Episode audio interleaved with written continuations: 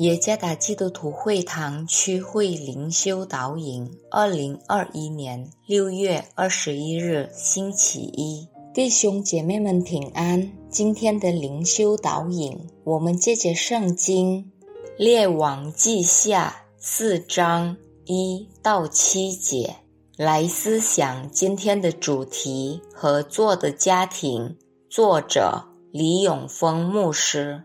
列王记下四章一到七节，第一节有一个先知门徒的妻哀求以利沙说：“你仆人我丈夫死了，他敬畏耶和华是你所知道的。现在有债主来要娶我两个儿子做奴仆。”第二节，以丽莎问他说：“我可以为你做什么呢？你告诉我，你家里有什么？”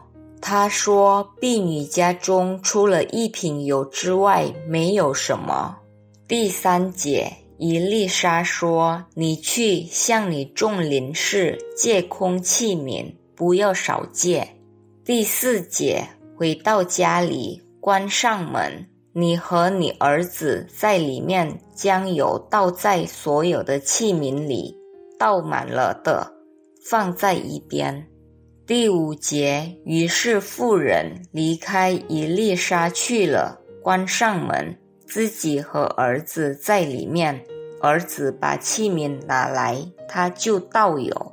第六节，器皿都满了，他对儿子说：“再给我拿器皿来。”儿子说：“再没有器皿了，油就止住了。”第七节，妇人去告诉神人，神人说：“你去卖油还债，所剩的，你和你儿子可以靠着度日。”我和妻子习惯让家人在照料房屋方面进行合作。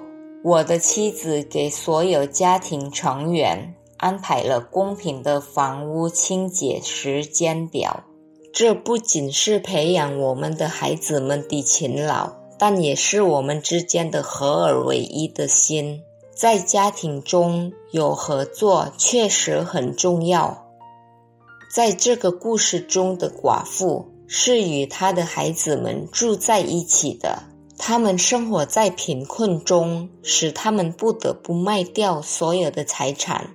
来足够家庭的需求。虽然如此，他们的生活还是互相依赖的。当寡妇向先知以丽莎诉苦时，他从他那里得到了帮助。所有的空瓶都装满了油，他们甚至需要借邻居的空瓶来装不断涌出的油。孩子们帮助他们的母亲将油从一个瓶子转移到另一个空的瓶子。孩子们不懒惰地帮助他们的母亲。在这个时代，我们需要像这个寡妇的家庭那样学习敬畏上帝，致使他的孩子们成为顺服父母的人，而不懒惰，并互相帮助。上帝赐福合一与互相帮助的家庭，合作中的团结必须从我们个人的生活开始。上帝赐福。